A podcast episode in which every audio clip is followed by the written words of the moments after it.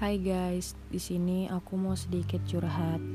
Jadi aku itu masih bingung sama orang-orang yang sekarang jadi ahli agama. Di segala sosmed penuh dengan postingan kalimat Islam.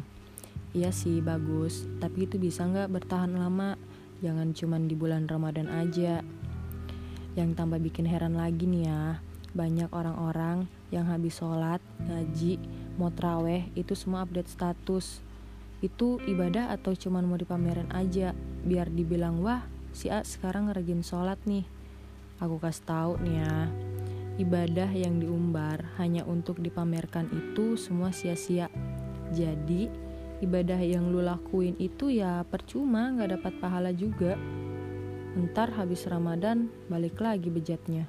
Bagus kau akui dirimu sebagai anjing. Daripada begitu karena itu lebih dari anjing.